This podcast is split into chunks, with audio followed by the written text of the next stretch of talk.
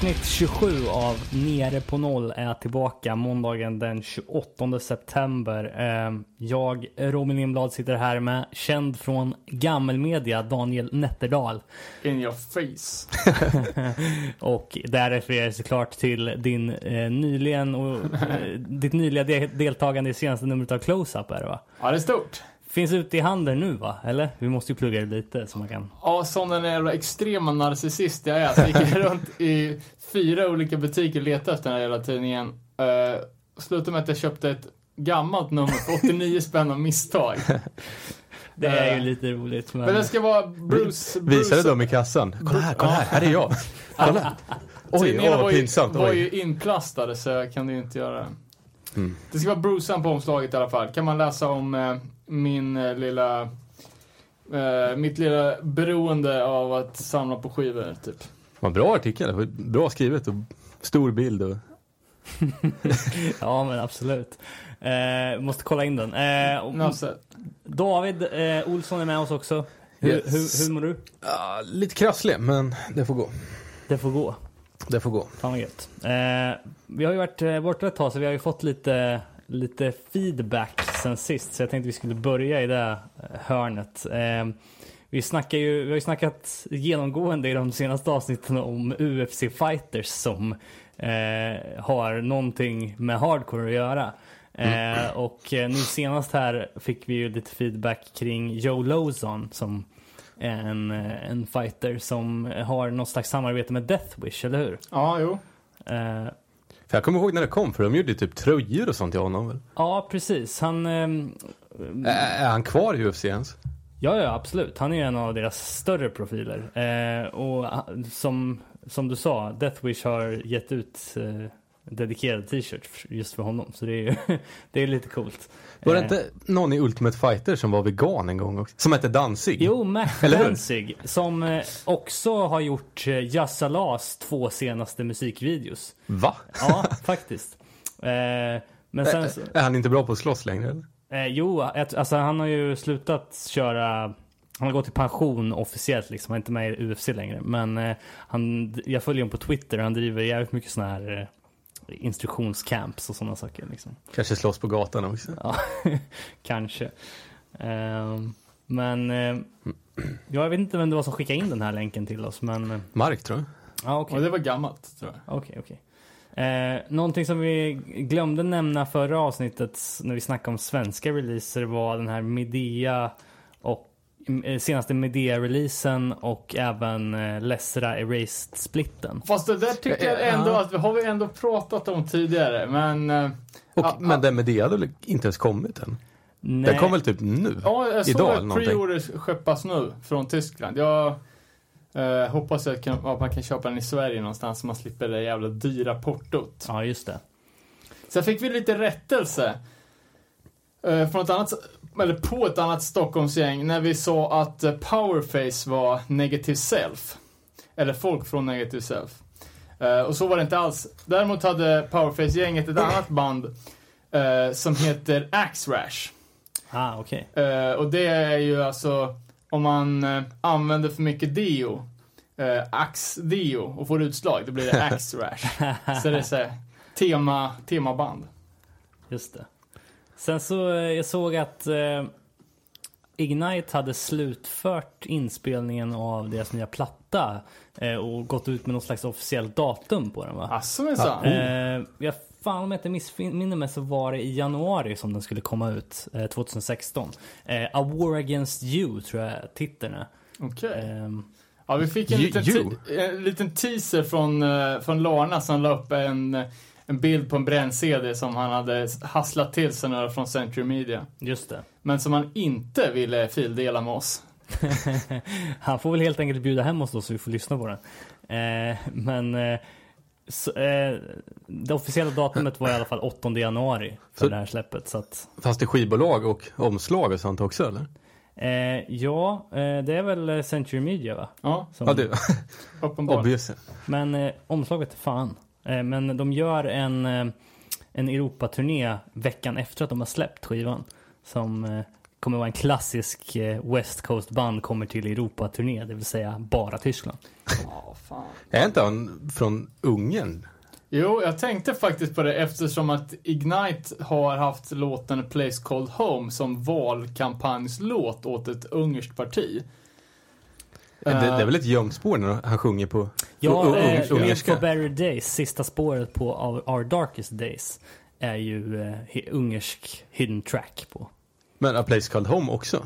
Det är samma låt men med annat språk. Ja, precis. Eller ja, precis. jag, jag, jag är inte hundra på, på vilken låt det är exakt Jo, så är det. samma idé. Ja, där. men då skulle man ju vilja veta vilket parti det var som använde den här låten, om det är de som, som håller på och spikar igen gränsen nu. Mm, just det, just det. Eh, I Eh, så fall får de ju ta tillba tillbaka den där låten, göra en disslåt. Uh, sen fick vi bra feedback här på, vi har snackat om att det inte fanns några spanska band. Eh, och ja, avsaknaden av spansk hardcore överlag. Fick vi en redig lista på massa spanska band som jag genast satte upp och kolla, kolla in. Eh, eller tyvärr ska jag väl inte säga, men eh, samtliga på den här listan var ju spanskspråkig oj. Av eh, alltså varierad kvalitet och väldigt varierade stilar. Jag tänker att eh, samtliga de här banden var ju liksom så här. Eh, alltså banden hade ändå- ändå släppt ganska många plattor och funnits länge. eh, och de körde ju stenhårt på den här liksom skinhead-stilen, lite mer så här uh, kamouflagebrallor, knogjärns-stilen.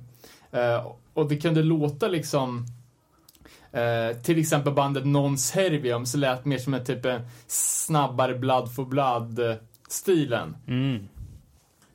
Eh, Och eh, eh, det fanns ju ett band som, som var från Kanarieöarna som var som kallar sig själv för Oj, sa Arma. med reservation för uttalet som är Rash, alltså Red and Anarchist Skins. Eh, Men det lät ju snarare som Iron Maiden typ. Jaha, okej. Så det verkar som att skinhead-grejen är liksom fokus. Och sen riktigt hur, hur musiken tar sig. Mm. Det vore intressant att se några översättningar på några av deras texter också faktiskt. Eller några bandbilder. Ja. Eh, vi ser ju med glädje fram emot, om vi ska borra oss ännu djupare i den spanska kulturen, de första katalonesiska banden som nu kommer när de börjar brytas ut här. Ja, vad fan är det inte Baskien som ska brytas ur? Ja, det kanske det var. Ah, Är det Katalonien också? ja, jag tror det. Eh, ett band i alla fall som, är värt att nämnas eh, var ju Boycott med Oj. Eh, som, en, som har lirat sedan eh, 87 och faktiskt prånglat ur 10 fullängdare. Jävlar. Eh, mindre bra är Kea Tharbano.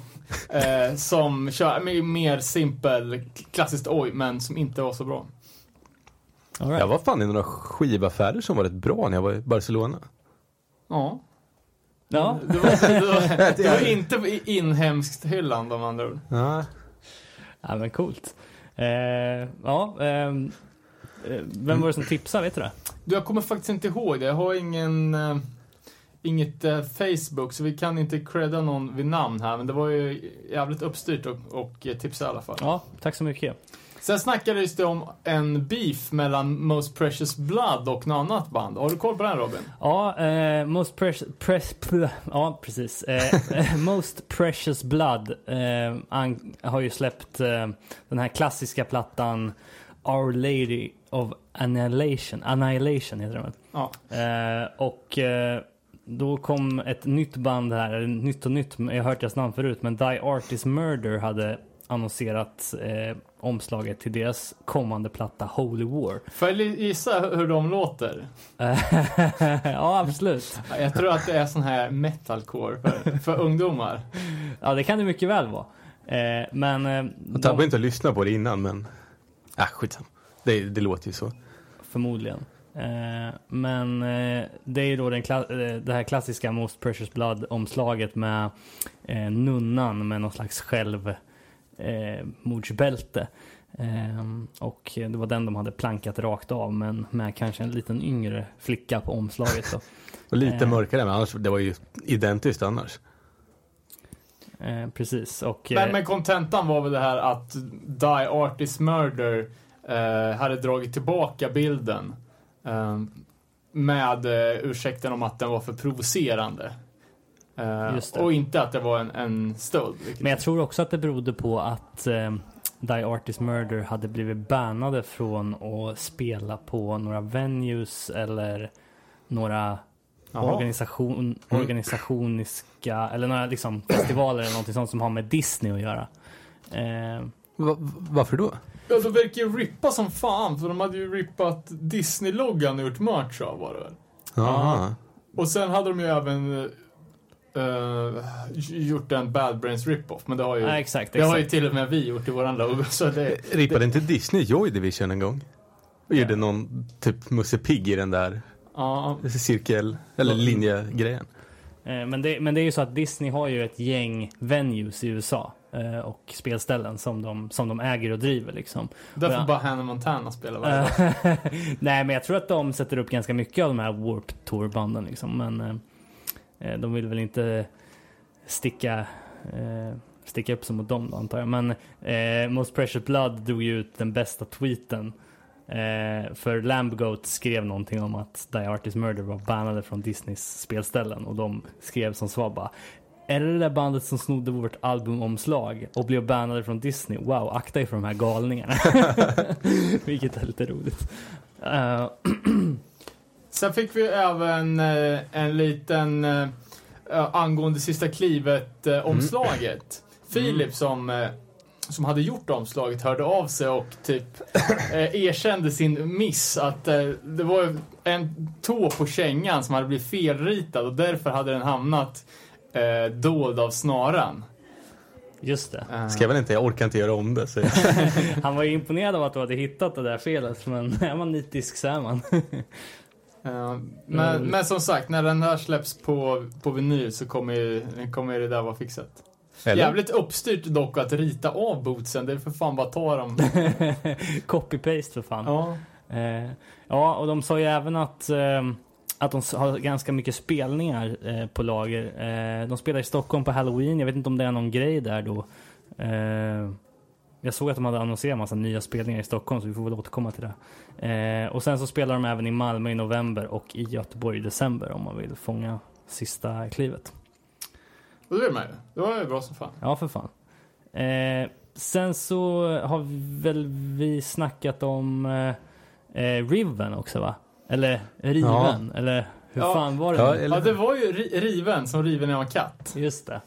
Det var någon som eh, gjorde oss Men- uppmärksam på det. Stavas det inte med W? Jo, men... Uttalas inte så. Ja. Eh, så nu behöver vi inte hålla på och skämta om den mer. Det känns som att jag har gjort det typ i 3, 4, 5 Precis. Det får vara nu. Eh, något mer på feedback? Mm, ja, inte vad jag vet så här på rak arm. Nej, men då Ja. eh, kan vi hoppa in i the news. Eh, kan vi börja med att säga att eh, något som berör lite feedback, det var någon som skrev att vi borde ta hit Vinny igen. Eh, eller ta hit Vinny. Och det kommer ju ske nu. Eh, förhoppningsvis i samband med No Fun and Roll-gigget här om två veckor. Eh, Vilket alla borde köpa biljetter till. precis. Eh, och eh, sen dagen efter så är det faktiskt invigning av skateparken. Eh, som ni styr. Ja, så det kommer bli en jävla intensiv helg där kan man säga. Det kommer bli jävligt fett. Stor skate-tävling på lördagen, No Fun At All på fredagen. Det är som 90-talet igen liksom. Verkligen. Total ridå på söndag. Ehm, Ja, men har ni några frågor som vi ska ställa till Winnie om, eh, ja inte vet jag, Brasilien, eh, sydamerikansk hardcore eller livet, livet i allmänhet så kan ni ju tipsa oss om det. Absolut. För det blir ju till nästa avsnitt. Japp. Ehm, ja, eh, hänt i veckan då. Vem vill börja? Ja, jag kan knyta ihop det här lite radioaktigt. Vi pratade om Halloween. och på Halloween kommer Twitching Tongues skiva. Ah. Ja, och det. de har en ny gitarrist, så är det. Ja, Absolut. Lite otippat tyckte jag. Gamla Hatebreed-gitarristen va? Ja.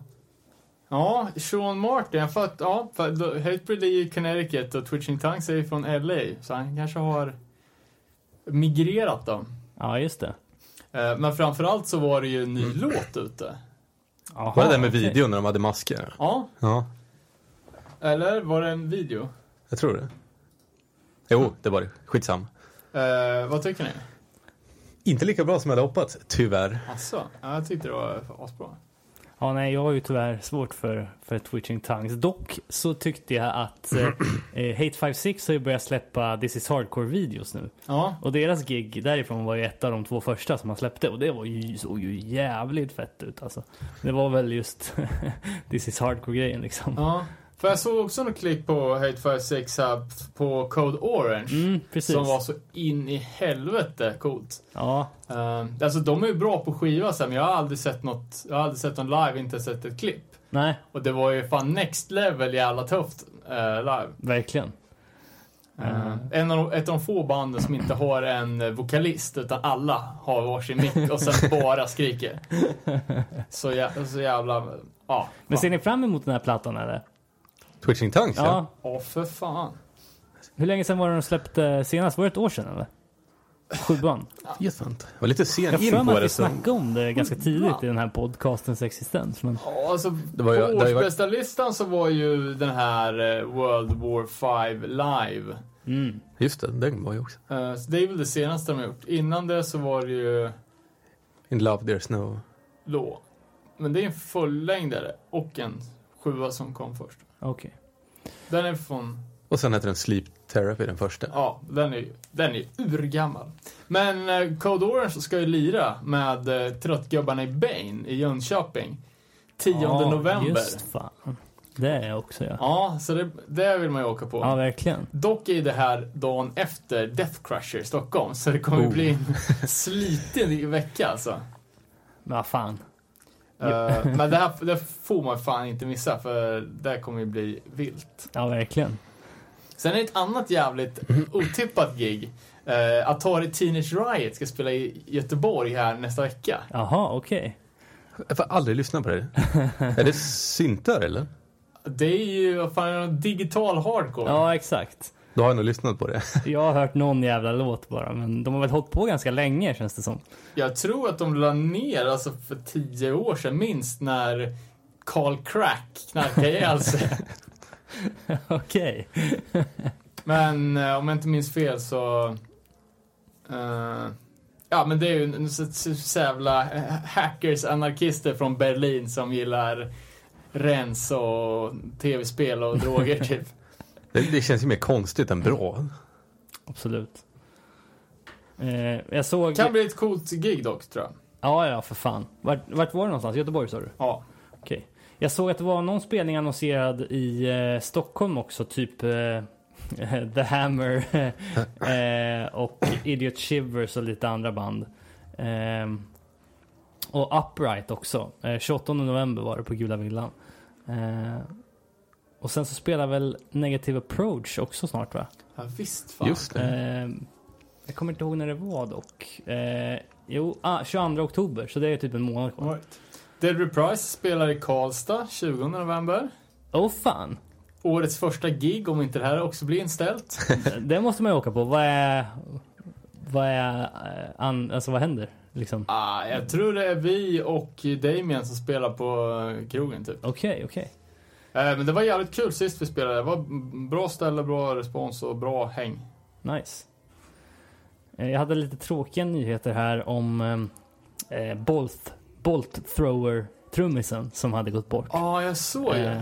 Eh, många som, det är säkert många som känner till Bolt, Bolt Thrower, Thrower eller deras ikoniska livebild eh, som används i många sammanhang där en snubbe i rullstol stage-divar. Ah, är det Är det därifrån? ja. Eh, Ja, jag, jag trodde de skulle spela i stan, för jag såg, jag var på väg från skateparken, så kom det ett gäng hårdrockare, samtliga med Bolt Thrower Tisha, så jag Mm. tänkte att nu ska de gå på konserter innan de var that guy. De har väl spelat ganska mycket i Sverige genom åren va? Eh, inte minst typ eh, Göteborg och, och sådär. Ja, då såg de i Örebro på... fan hette det nu då? Eh, på Kontan tror jag. Ja, okej. Eh, och det var jävligt fett. Det var på den här Those Ones Loyal-plattan som är Mm. typ deras bästa faktiskt. Vad är det bandnamnet kommer ifrån igen? Warhammer. Warhammer? Eh, ja, nej, jävligt obehagligt. Men Eh. Jaha, jag trodde du menade Warhammer, förlåt. Ja. Eh, men när jag var inne här och läste om Bolt Thrower så kom jag in på lite andra metal-nyheter och då så bara gled det förbi eh, en grej om Mortis. Det är ju någon så här gammal... eh, Han med plastöron. Ja, Ja, precis. Eh, så kom jag att tänka på en historia som, som, jag, eh, som jag hade om han, som jag fick höra när jag pluggade. En, en polare som är gammal trummis i Linköpingsscenen, metalscenen framförallt. Eh, och var med och repa med Mortis på, på tidigt 90-tal. Eh, och berätta om någon incident att han redan då hade den här maken och han kom till repet en gång och då hade det regnat innan så näsan hade gått mitt i tu på han och de garvade så in i helvete åt det där kan jag säga. Men han körde alltså sådär på, Är den inte jävligt, jävligt kort också? ja vet Så det blir ännu mer trolllikt. Men jag tror att han, eh, jag tror att han har dissat eh, hob-grejen nu eller vad fan kallas det? Liksom alv, hela lösnäsa och lösöron-grejen liksom. Vad fan, jag har för mig att jag har läst kanske close-up eller något att han typ skulle lyfta hem från något gig i full make också. Det är bara det är så jävla svårt att stoppa en taxi när man ser ut så här. Ja, Konstigt. Oväntat. Klockan är 03.45 och du står och tummar i corpse paint. Ja. Eh, ja, sorry. Eh, Eh, jag kan dra lite nya plattor. Det är jävla massa som har Mm. annonserats sen sist. Uh, ett jävligt fett band som heter Blindside USA. Uh, eh, annonserat ny sjua. De släppte ju en kassett på franska Straight and alert. Uh, så nu en ny sjua uh, annonserad Wave of Regret.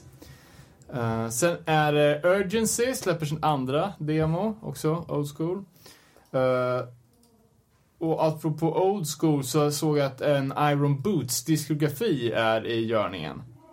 Okej. Eh, sen har vi ju, kan vara den mest otippade splitten här då. Eh, Kiss ska göra en split med Scooby-Doo.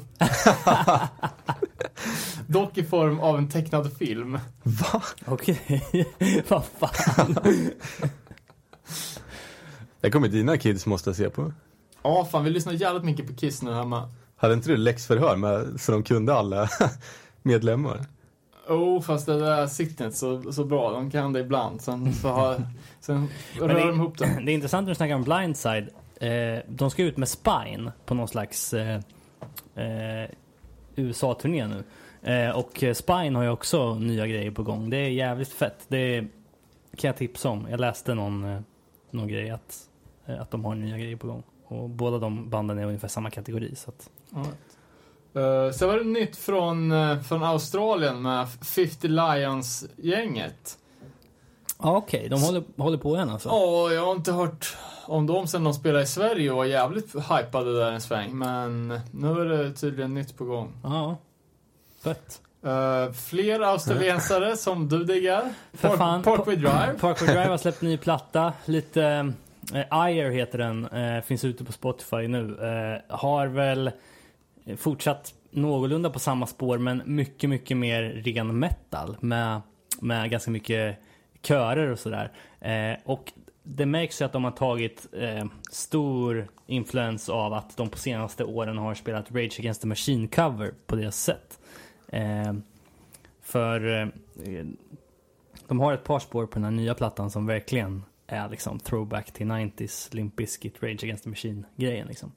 Eh, men överlag så är skivan svinbra. Jag har lyssnat Mm. på den hela dagen idag. Ja, vi kollade på Eh. videon här innan vi började snacka. Det var ass- Snygg video. Ja, det, var, det, var, det kan man väl ge dem, men det är ju för jävla väl, välpolerat, men ändå inte helt tokigt. Alla i bandet är rätt välpolerade. Man får ge dem att de, att de hoppar, hoppar fallskärm i videon. Så det är häftigt. Eller också får man ta det ifrån dem om det var deras body doubles. Nej, man ser ju på dem att de är action junkies. De surfar ju och åker longboard. Och... Eh, såg även att eh, eh, Parkway Drive skulle gigga i Sverige. Eh, köper man biljetter så får man med en nyckelring i form av en surfingbräda. eh, beskri- Men vart spelar de? Är det, då säljer de ut Globen nu för tiden? Ja, ty- nej, ja, spelar säkert på största frys. Uh, jag vet inte, hela den där close-up-tidningen var ju fylld av reklam för Bring Me Horizons nya platta Parkway Drive. Det var ju de, spelningar och nyckelringar och skivor och... Uh, jag vet inte fan, det kändes som att det är, finns mycket pengar i de där banden för jävlar vad det görs, görs reklam. Så är det ju. Men de eh, säljer ju säljer ut Wembley liksom. Eh, Bring Me The Horizon i alla fall. Eh, jag vet inte om du vill eh, komma in på det nu David, eller? För vi ska ju clasha lite över deras senaste platta här. Ja, ska, ska vi det? ja, alltså... Eh, vi har ju diskuterat det lite redan innan. Här. Jo, eh, Bring Me The Horizon har ju släppt sin senaste That's The Spirit, heter den skivan. Eh, 11 låtar. Jag har ju ingen historik med det här bandet, för jag har inte riktigt lyssnat på deras tidigare grejer, eh, för att jag tyckte att det var ganska dåligt. Men nu gav jag den här skivan en chans och det är typ det enda jag har lyssnat på de senaste två veckorna. Vi trodde du skämtade. Jag, jag var Nej. helt säker också. Nej, jag har inte lyssnat någonting på Bring Me Horizon innan. Men, men alltså den här senaste skivan är fan bland årets bäst, en av årets bästa plattor tycker jag. Um, det tar emot, det är så jävla väntad åsikt men det är så kopiöst uselt. Nej men alltså, för det är ett sånt där band som alla hatar. Ja, exakt, alla, som lyssnar, alla som lyssnar på riktig musik hatar den. Men därför alltså, hade det varit kul att gilla det. Jag, jag inte, det, det, är helt omöjligt. Jag har inte lyssnat speciellt mycket, men varje gång man hör dem så blir man positivt överraskad av att det, är, att det inte är... Alltså det är ju, har ju varit brutalt liksom. Ja. Och den här låten som Lana spelade som vi hade i playlisten var ju bra liksom. Men ja, det, nya skivan, det är ju alltså radio och dansmusik och sen bryts det av med lite Limp Bizkit. Det är liksom... Eller Linkin Park. Ja. Linkin Park, är det Men det är så mycket konstiga syntgrejer. Ja, men det är det som gör det tycker jag. Alltså, det är så välkomponerat och låtarna är så experimentella och det är liksom, det är bra sång framförallt. Det är där jag aldrig har kunnat klarat av med det här bandet. Att liksom, jag, har inte, jag har inte gillat hans sätt att skrika på riktigt. Men, eh, men nu sjunger han ju, han sjunger jävligt bra. Eh, sen kollar man live-videos och inser att det är ju playback. Men... jag, jag har sett dem live en gång. Ja, okej. Okay. Uh, eh, kommer inte riktigt ihåg hur bra det var. inte jättebra tror jag inte. Jag kommer ihåg att det gick ett sus genom publiken när han stage-divade. Typ, åh oh, shit, nu kommer han. ja, nej, Ska tillägga alltså, att de var förband när jag såg dem. Det är ju så jävla mycket grejer i deras låtar nu så det skulle ju inte funka att framföra live om de inte hade alla de här påläggen liksom. Eh, men det märks så tydligt att de kör playback nu när man har sett klipp från i år liksom, där de kör de nya låtarna. Men, men samtidigt, det är en sjukt bra platta. Den funkar att lyssna på i bakgrunden när man sitter och jobbar. Liksom. Nej, jag tycker att den är svinbra. Ehm, så jag tyckte omslaget var rätt snyggt, det kan jag ge Ja, det var, det var alltid något. Uh, Sen ja, får vi agree to disagree. På, på tal om svinbra då. En av uh, de bästa tiotomarna någonsin släppta. Humanity's the Devil är på gång till reissue för alla collector scums där ute. För tusende gången eller? Ja, ah, det är ju första gången sen Victory. Mm. Jaha. Och det är ju uh, Organized Crime Records som har köpt upp alla Victory-släppen och pumpar ut dem en per år. Uh, och jag antar att det kommer bli något riktigt speciellt på Humanity eftersom det är väl deras, det är deras skiva liksom. Mm. Vet du om det kommer vara en LP nu? Ja, jag tror det. Jag såg en bild på testpressen och den såg stor ut. Skönt. Hatar 10-formatet då. Det är helt meningslöst. Ja, faktiskt. det går inte att ha i skivhyllan, det, det bara förstör. Jag tror att när de gör 10 så trycker de upp en LP och sågar ner dem. Wow. Uh, det var ju ögonöppnaren för mig att man kunde beställa, när vi satt och kollade på vinyler här om veckan, att man kunde beställa custom-format på dem. ja, det var fan, det har jag inte sett tidigare. Var det dyrt eller? Ja, ah, jag vet inte, kolla inte. Uh, sen har vi lite nya, nya grejer. Uh, Vengeance, är det något ni har hört? Det är något Nej. nytt band som eh, släpper på, ska släppa på Six Feet Under, eller har en sjua ute nu. Det är alltså medlemmar från Rain, Rain Supreme, Floor Punch, Underdog och Blacklisted. Jävlar. Uh, en nio låtars. Uh, jag har inte lyssnat på den, men det låter ju lovande. Ja, jävla all-star ja, faktiskt. lineup där. Ja, såg även på uh, Six Feet Under som är ett bedrövligt företag att handla ifrån, i och med att de är sämst på kundhantering. Eh, men lite intressant eftersom Alltså, fan hardcore punk från andra länder i USA är något som ignoreras totalt.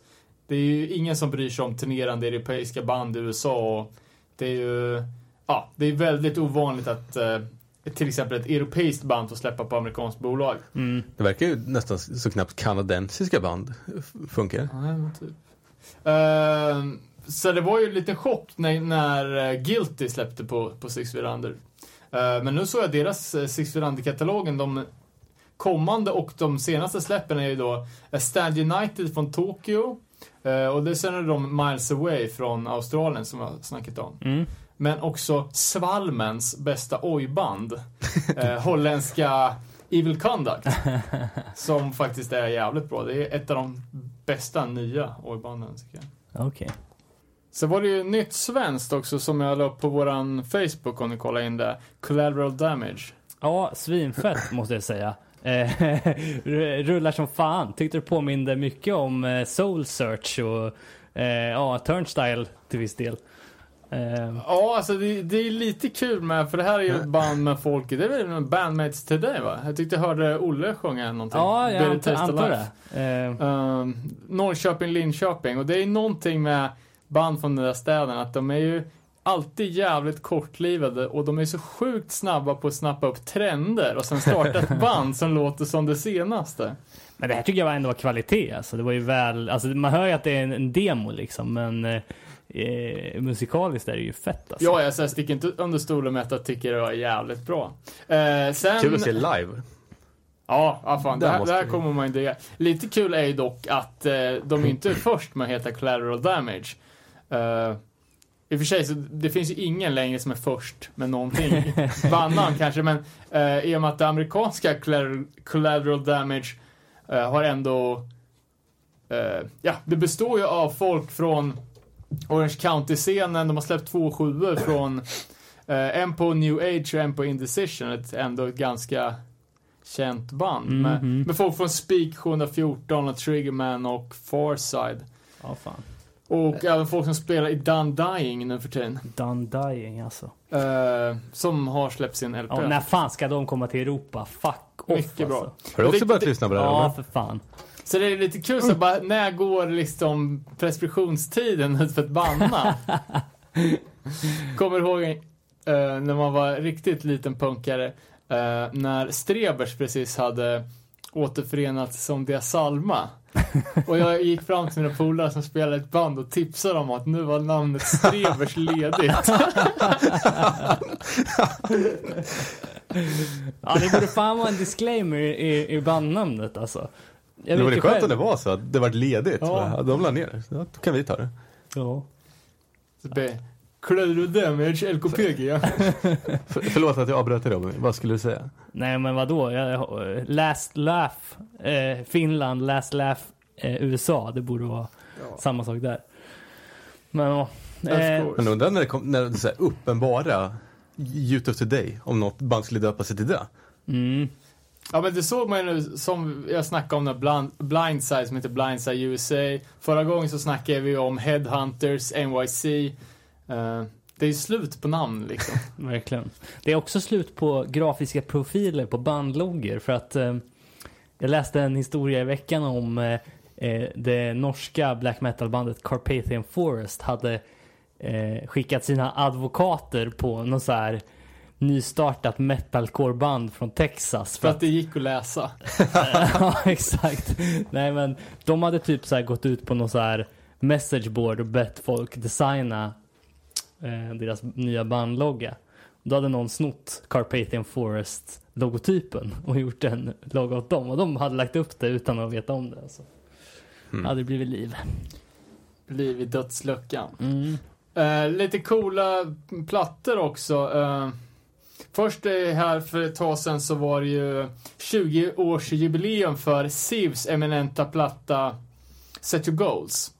Eh, det är ju ex Gorilla Biscuits eh, med kanske den bästa melodiösa hardcoren släppt från New York City. Mm. Eh, 20-årsjubileum för plattan och fick höra från Snitting att den här fanns i en bättre version. Med blått omslag som jag aldrig hört talas om. Och det visar sig att den är släppt eh, i Tyskland med en annan tracklist. Uh, där låten Kids United öppnar och att det blir ett helt annat tempo i, i plattan.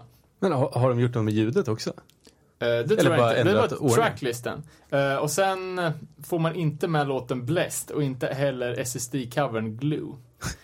Och då gör det är så... Perfektion Ja. tysk som bara, nej det här måste jag fixa. Ah, ja, inte någon aning. Förmodligen så har de ju bara fuckat upp det. Mm. Eh, sen eh, annan cool gammal gammal platta som har 15 år på nacken är ju uh, Doom-kungarna eller en hardcore Doom eh, ambient eller vad fan heter. Uh, Neurosis. Eh, deras mästerverk Times of Grace från, den är från 99. Eh, är nu reissuad på vinyl. Jävligt snyggt omslag och de har bara gjort så enkel grej som att de har vänt på färgerna liksom. Eh, så står sig jävligt snyggt ihop med den, eh, med den gamla liksom. Och den har ju kostat tusen spänn på vinyl så det är gött om man bara vill äga ett. Ja, ja, för fan. Eh, jävligt cool detalj också till den eh, Times of Grace är att Neurosis hade ett annat band som heter Tribes and Neurot som spelar samtidigt och det var ju mer ett art flum band fast ändå hårt. Eh, så de gjorde eh, plattan Grace, en tia tror jag, eh, som är gjord för att spela samtidigt som Times of Grace med Neurosis. Va? Fan vad coolt. Ja, Man ska dubbla LP-spelare och Ja. klicka igång dem prick samtidigt? Ja, precis. Och jag köpte, jag fick tag på eh, Tribes and Neurot platta på, på lokala skivbutiken och drog direkt hem, på med Types of Grace i CD-spelaren, på med Tribes and Neurot på vinylen och sen bara fan. Bara, okej, det här är för svårt för mig. Jag fattar inte så här, jag, jag är inte så här konstnärsmusiken liksom. Eh, men då var det fel Tri- Tribes and Neurot-platta, så det makar ju ingen sens. Eh, men det finns på YouTube så när jag kikar runt lite att någon som har eh, klippt ihop skiten så man kan höra båda grejerna samtidigt utan att behöva köra flera enheter liksom. Ja, nice. Lät det Det är coolt fan eller? public service alltså. Ja, Lät det bra eller? ja det låter bra. Det är coolt var för sig kul också. grej alltså. Ja, det är fan next level alltså. Vi kanske borde släppa en sjua med varje instrument, så måste man köpa alla fem. Så får du ett helt band. Ja, kanske. Jag såg att Marks eh, nya sign, This or That, var ute nu också va? Ja, Eh, fan det borde vi ju köpa in. Ja, Och verkligen. distra Örebro. Verkligen. Och på tal om det, så har jag gjort en sån grej till er två. Jaha. Aha. Så om jag läser lite alternativ så får ni jävligt snabbt bara välja ett. Aha. Okej. Förstår- Båda två samtidigt eller? Nej, ja, ni har varsin. Okej, ja. Är ni med eller? Ja, ja, ja. Ing, noll tanke, bara känsla. Det är, det är alltså pest eller kolera? Nej, det är mer alternativ. Okej. Jag kanske inte har förstått synet riktigt.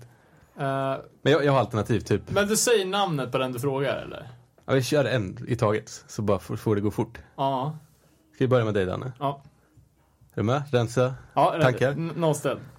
Pang! Agnostic Front eller Madball? Ah, men Fortare! 12 eller 7? Tolva. Folköl eller starköl? Folköl. Morris eller The Smiths? Smiths. Första Ignite eller senaste Ignite? Uh, eh, mitten.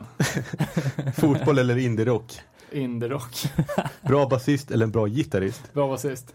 A-sida eller B-sida? A-sida. Dead Kennedys eller The Clash? Dead Kennedys. Dålig sång eller dåliga texter? Dålig sång. Tiger Army Live eller Social Distortion Live? Eh, social. Fest eller arrest? Fest. New York eller Boston? New York. Ebba Grön eller Strebers? Strevers. Oj eller Streetpunk? Eh, oj. Johnny Cash eller Mike Ness? Johnny Cash. 88 eller 98? 88. Skateboard eller skatepunk? Skateboard. 100 Demons eller Death Threat? Eh, Defrut. Klart. Ja, Kul. bra! Vad oväntat David. Det var Då får man ju så här någon personlighetsdiagnos på det här också. Ja, exakt. Det blir uppföljning. är det något du vill utveckla? Eh, det var för bra, allt var ju bra. Jag skulle säga ja till allt. Ja till Ja, livet. Ja. Är du med Robin? Ja, absolut. Youth Crew eller Black Metal? Black metal. Satanic Surfers eller Atlas Losing Grip? Satanic Surfers. Östergötland eller Närke? Östergötland. Bra ljud eller bra låtar? Fan, eh, bra låtar. Analogt eller digitalt? Eh, analogt. Anchor eller Iron? Anchor. Stage dives eller high fives? High fives. Gädda Mindtricks eller La Coca Nostra? Eh, La Coca Nostra. Läsk eller mäsk? Men, läsk! det är så lätt att ta den andra. Ja, Poppunk eller postpunk? eh, poppunk. H2O eller HBO? H2O. Live eller skiva? Eh, live. Epitaph eller Fat Wreck? Fat Wreck. Tinnitus eller Idol? Tinnitus. Tysk beatdown eller tysk hiphop? Tysk beatdown. Melodi eller mangel? Mangel. Ja, det gick ju bra det där. Ja, det var Ja, det var ju jävligt roligt. verkligen. Du var ställd på mäskan. Alltså. Ja, men vad fan. Grejen är att jag har någonting som har med mäsk att göra, top of mind. Jag kan ta det direkt. Tack för övrigt David. Men eh, eh, vi, snack, vi har ju snackat om hardcore in non-hardcore places och det blev fan jävligt uppenbart när jag av någon anledning hade Paradise Hotel igång för några veckor sedan. Eller någon vecka sedan bara. Och helt plötsligt så hör jag eh, låten Working Week från Liberators odödliga epos Stand and Deliver från 2009 på Paradise Hotel. Eh, Det var otippat. ja, verkligen. som att de lyssnar på det eller var det pålagt? Nej, det var ju alltså inklippt till, till ett collage i avsnittet liksom. Var det billigaste musiken man kunde köpa in Ja, jag vet inte. på? Men eh, Working Week gick ju direkt upp till topp 5 populärast på Spotify på Liberators profil. Så, Är det sant? ja, Fan vilken impact alltså. ja, för fan. Det är där man ska produ- produktplacera nya släpp på bolaget och sånt. Eller podcasten. Nej, men det var bara lite jävla oväntat att det dök upp där. Måste jag säga. Men undrar hur de som tittar på det, hur kan de veta vad det där är? Ja, det, det vet fan. Står det inte i eftertexten då? Ja, det kanske det gör. Jag vet inte. Eh, Fan, apropå tv-program så hade ju... eh, nu känns inte det här riktigt lika roligt eftersom Davids eh, överraskning var så bra. Men jag hade ju gett mig själv ett litet uppdrag här. Uh, Filip och Fredrik kör ju sin 6D se- separation. Just det. Att de kopplar ihop sex personer i hela världen. Och jag tänkte direkt att det där måste man kunna göra med punkband. Eh, så jag bad ju er säga varsitt, uh, varsitt band, eh, gärna ett svenskt och ett amerikanskt. Så skulle jag på sex steg länka ihop dem. det här ska bli intressant. Eh, och eh, vad sa du David? Eh, sista sekunden. Sista sekunden och Robin du sa Casey Jones. Casey Jones. Eh, kände direkt att det var lite svårt eftersom jag aldrig har lyssnat på sista sekunden. Va, va, visst var det att de fick inte spela på samma festival, räknas inte? Nej, exakt. Det, godkänd koppling är ju delade bandmedlemmar, eh, samma bolag, eh, om de har gjort en split ihop eller om de har gjort något, kanske någon större turné ihop. Mm. Men samma festival eller samma samlingsplatta, det, det funkar inte. Eh, ja, så vi börjar då. Steg ett, sista sekunden. Tar vi oss via skivbolaget Instigate, eh, där de har släppt merparten av sina plattor. Där ligger även Intensity. Eh, från Intensity går vi till, eller via Rodrigo Alfaro. Fick vi innan ännu ett avsnitt i Satanic Surfers, eller till Satanic Surfers. Eh, och Satanic Surfers har släppt Hero Over Time och splitten Splinter Cell på belgiska Genet. Uh, steg tre. På Genet återfinns uh, Walls of Jerichos första mini-LP, Day in a thousand years. Eh, och via gitarristen Chris Rawson går vi vidare till uh, Stick to Guns. Ja, Det var fjärde. precis. Eh, sen har vi i Stick to Guns spelar James Jones, som även har spelat i Evergreen Terrace. Det var femte steget. Och i Evergreen Terrace spelar Josh Smith, eh, som även spelat i Casey Jones. Ja, fan vad duktigt. Du hade ju kunnat gå direkt från Stick till Casey dock. Eh, antar jag. Ja, jag vet inte. För det är sångaren som spelar gitarr, gitarr där. Från vilka då? Vad, vad sa du? Stick, stick, stick to guns. Eh, men ja, jävligt, Eh, ja. jävligt, jävligt bra ändå måste jag säga. Det var, Var det fan- krångligt eller? Det var inte, det tog tio minuter. Jaha. Eh, så nu kan väl lyssnarna ge, ge förslag på två band. Eh, och det får gärna vara band där man kan komma vidare. Alltså inte band som där medlemmar bara har släppt en sjua och aldrig spelat ett band mer. För då är det ju dead end. Precis. Eller ska vi ge två band? Och se ett pris till den första som klarar det? Ja men det är ännu bättre. Men det kan vi göra. Vi kan ju till och med ha ett pris. Ja, exakt. Eh, det där Men där kan vi ju Men det får bli hemligt. Vi kan, vi kan annonsera det här till vinnaren. Nej men vad fan, det behöver inte vara hemligt. Nej, okej. Nej, det, det, då får du säga vad det är då. Ja, vi fick, som- vi fick ett, eh, ett eh, meddelande från Johnny Old School på Monument om att eh, han hade en i Dead Reprise testpress att lotta ut. Så det, först den som kan komma in med rätt lösning i våran Facebook-feed på, på det här får en... Nej, inte för, ska vi lotta av alla som kommer in med eller? Eh, vad ska inte vara först? Måste Ja, vara först. först. Det är ju fan... Först måste det vara. Ja. och vad, ja, och vad är godkänt då? Alltså släppt på samma skivbolag? Ja men som vi sa, samma skivbolag, eh, splittat eh, bandmedlem eller typ eh, turnerat ihop. Precis. Ja. Eh, Eh, ja, Robin, hugg ett svenskt band. oj, eh, då... Vad fan ska vi ta Ska då? vi ta något krångligt eller? Typ, Ehm, ja, ta något gammalt punkband eller något så det inte blir... precis. Eh, det ska ju vara något riktigt, eh, något riktigt köttigt här. Typ som kanske Köttgrottorna. Och Blacklisted. Sex steg så har ni en Dead Reprise testpress. Nice. Gör det.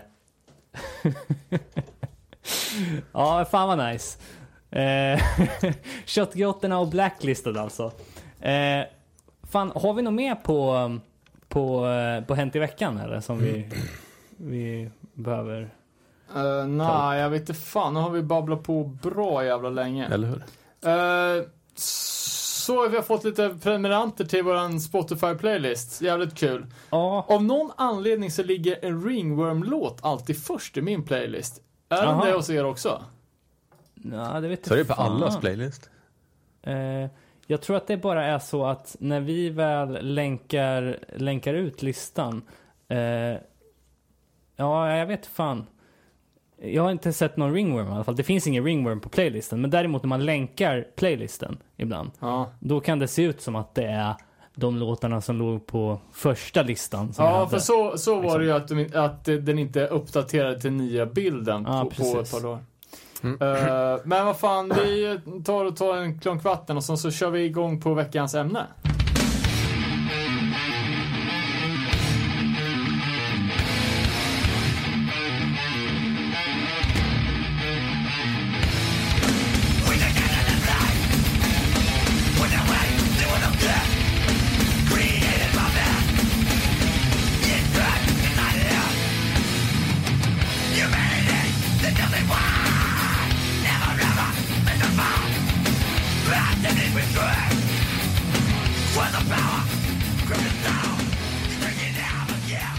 Dags för the main event här. Eller vad vi ska kalla det. Som är vårt huvudtema för dagen som är döds hardcore eller äh, Deathcore. Ja, deathcore. Jag vet inte men eh, vi var ju inne lite på det i förra avsnittet när vi snackade om Bloodlands och vi har ju snackat mycket om All Out War och vi tänkte väl gå igenom lite kronologiskt hur genren kom till och vilka band som var aktuella i början och vart vi ser att genren går eh, fram, framöver med, och vilka band man bör ha koll på liksom. Det är det nog här ingen, är- ingen komplett Ah, genomgång. exakt. Det är nog det här är det också vi gillar. som vanligt en genre som kanske banden själva inte säger att de tillhör. Men bara för att man ska kunna greppa det liksom. Så vi, det är inte pojkbands hardcore alla Bring Me The Horizon och det är inte grönsaksmangel. Nej, exakt. Utan det är lite mer dödsiga... Vad är skillnaden mellan metalcore och deathcore? No? Ja, jag vet inte. Säg att... Eh, Death metalcore. Ja, men precis. Lite mera än bara metalcore. Liksom. Det är inte, det är inte lika lättlyssnat. nej, det är inte snapcase utan att det är kanske lite mer grovkornigt. Me- metal med breakdowns typ. Ja. Nej. Men eh, man kan i alla fall säga att eh, en av genrens grundare i våran värld i alla fall är väl All Out War. Eh, David, du hade någon, någon liten historik där? eller? Aj, ja, lite kort. Men jag vet inte om man räknar det som det första. Det måste ju funnits hardcoreband som lät som mm, spela metal innan. Ja, jag vet inte fan alltså. Men jävligt stilbildande om inte annat. Ja, verkligen. Och jävligt bra. Eh, men med tanke på hur All Out War lät alltså på demostadiet. Uh, de var ju brutalare då än, Slayer någonsin har varit. ja, eller hur, hur de är nu. Det är ju alltså, var ju långa utdragna liksom, partier som jag vet ingenting som ens kommer i närheten av det. Eh, Nej. Så, så tidigt, vi snackar ju 92 typ. Kanske De bildades tidigare. 91. Ja, Tydligen. precis. Eh, det enda... Och så släppte de samma låtar på tio skivor. Going. Ja, precis. Eh, men när fan kom första den här... Eh, var det Dest Destined to Burn? Sjuan, ja. de- släppte ju ett par kassetter innan det och jag eh, har ju stalkat en snubbe som eh, också samlar på All Out War. Eh, och eh, köpte faktiskt en All Out War demokassett av eh, Jonas från eh, Worth the Pain. Ja, okej. Så här, Efterspelet av intervjun vi gjorde till vår hemsida. Eh, Eller Men- det, det första första eller? Ja, hur som haver, så vi kommer inte, inte riktigt fram till vad det är för släpp. För de har gjort flera kassettdemos, alltså en hel radda. Men den som kallas för, 92 demos är den som, som senare blev återsläppt på vinyl här i samband med att de släppte förra plattan var det väl. Okej. De, är rätt, de har ju spelat, spelat om, eller vad säger man, spelat in igen samma låtar jävligt många gånger. Ja, speciellt i början, då är ju den Hymns of the Apocalypse och demon och första Truth and of Lies är ju... Det är en jävla, ett jävla virrvarr av samma låtar i mer eller mindre olika tappningar. Men det har väl varit ganska turbulent också i All Out War när det kommer till medlemmar som lämnar hit och dit och... Ja, jag hör, Ja. hörde här nyligen att, uh, kommer inte fan inte ihåg vem det var, kan han heta Chris? eh, som spelat i Marauder var, var i tidig uppsättning av All Out War Mm. också. Just det. De hette ju, det finns, vi kollade upp det på Youtube här innan att deras band som de hade innan som hette AWOL. Det, det är alla utom Mike dock. Och Mark Score är ju sångaren då, ska vi tillägga. Så han är väl den som eh, är kanske mest karaktäristisk för All Out War-soundet med. Mm. Sin Det ganska... är sjukt bra sång. alltså. Ja, jävligt bra. Lite Jävla rått alltså. rå, rå sång som fan, lite krustvibbar och jag vet ju att All Out War, de brukar ju rocka, ja men typ eh, Nausea-tröjor och de, ja, de gjorde den där Amibix-covern och ja, de gillar ju rens och käng och sånt också. Men jag lyckades aldrig hitta det där, Avol. Du, du hade inte heller hört det? Nej, alltså det finns ju flera andra. Avol är ju inte... Det finns till exempel ett band som är att det alltså är A Way of Life. Med Volt första Reaper Records släppte bland annat. Eh, Men jag har aldrig riktigt fattat vilket Avol eller AVOL som har varit All Out War. Just det. Jag är osäker på om de har spelat in någonting faktiskt. Jag läste något om en sjua. Okej. Men li, lite osäker. är uppe på Bontlisten direkt här då. Men, men det man kan säga är väl i alla fall att eh, All Out War har ju stått och står ju eh, Victory Records jävligt nära och de gick ju i, i, i bräshet, har ju gått i bräshet för mycket av de här releaserna liksom som man kan skjuta in i det här facket. Jag tänker också på Bloodlet från Florida som spelar liknande typ av hardcore. Liksom. Ja, men faktiskt. Och ändå, eh, någonting som jag faktiskt bara uppskattar så här i efterhand. Jag gillade aldrig Bloodlet när, när det begav sig på, på det här 90-talet. Eh, tidigt 2000. Men det tycker jag är jävligt fett faktiskt. Mm. Jag tror att jag kanske har, är sk- skivan typ lite grönaktig och så står det med gult med lite så här rött outline. Typ uppe i högra hörnet. Ja, det beror på vilken du menar, för de har släppt fyra fullängdare på Victory. Ja. Eh, från 95 till 2002. Jag vet att de gjorde... De Den sk- bästa heter ju Eclectic. Det är samling av två sjuor. Det är ju som var släppta på andra bolag. Så det är någon jävla snigel på framsidan tror jag. Ja, just det. Uh, sen heter en Theatan heter en med några nakna kroppar tror jag. Precis. Och sen är det ju fan You Midnights Under the någonting. Ja, och jag tror att det, det var för, senast förra året så gjorde de reissue på de här två första. Ja men precis, och de spelar ju på A389 fest och jag tror hans jag kommer inte ihåg vad fan solo, eller sångaren heter. Han kör ju någon solo. Typ Big Baba George eller någonting. Eh, Skriker som en jävla dåre. ja, eh, vi ska se. Jag vet inte riktigt vad han heter faktiskt.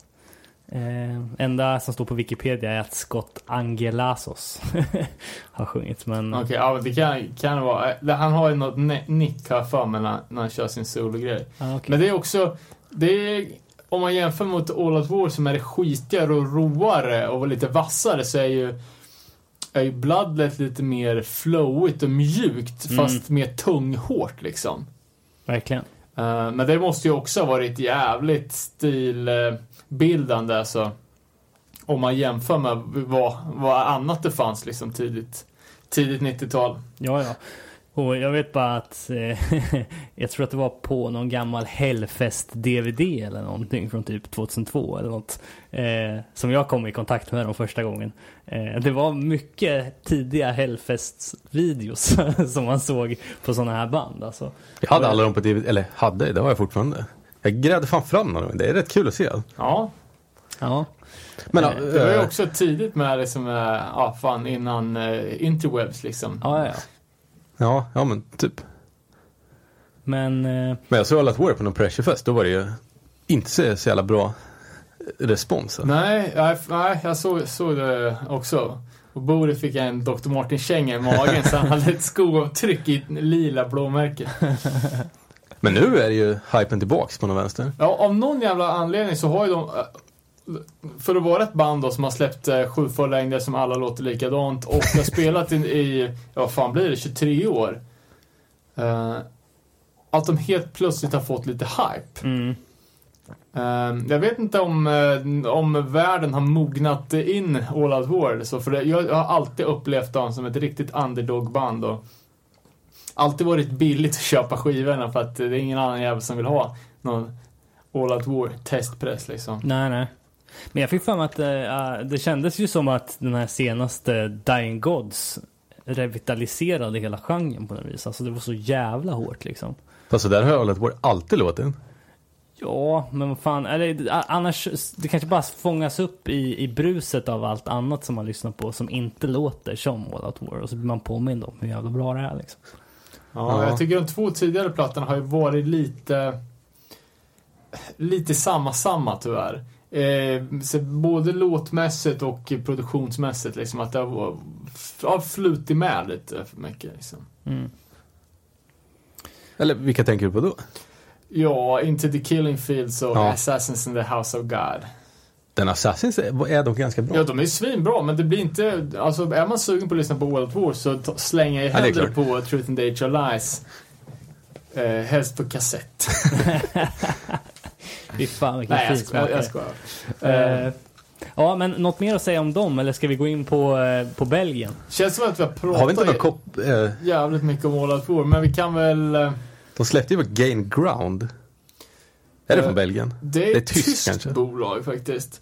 Som sen också sen- jävligt mycket bra i. Ja, sen om man ska flika vidare på att ha släppt så...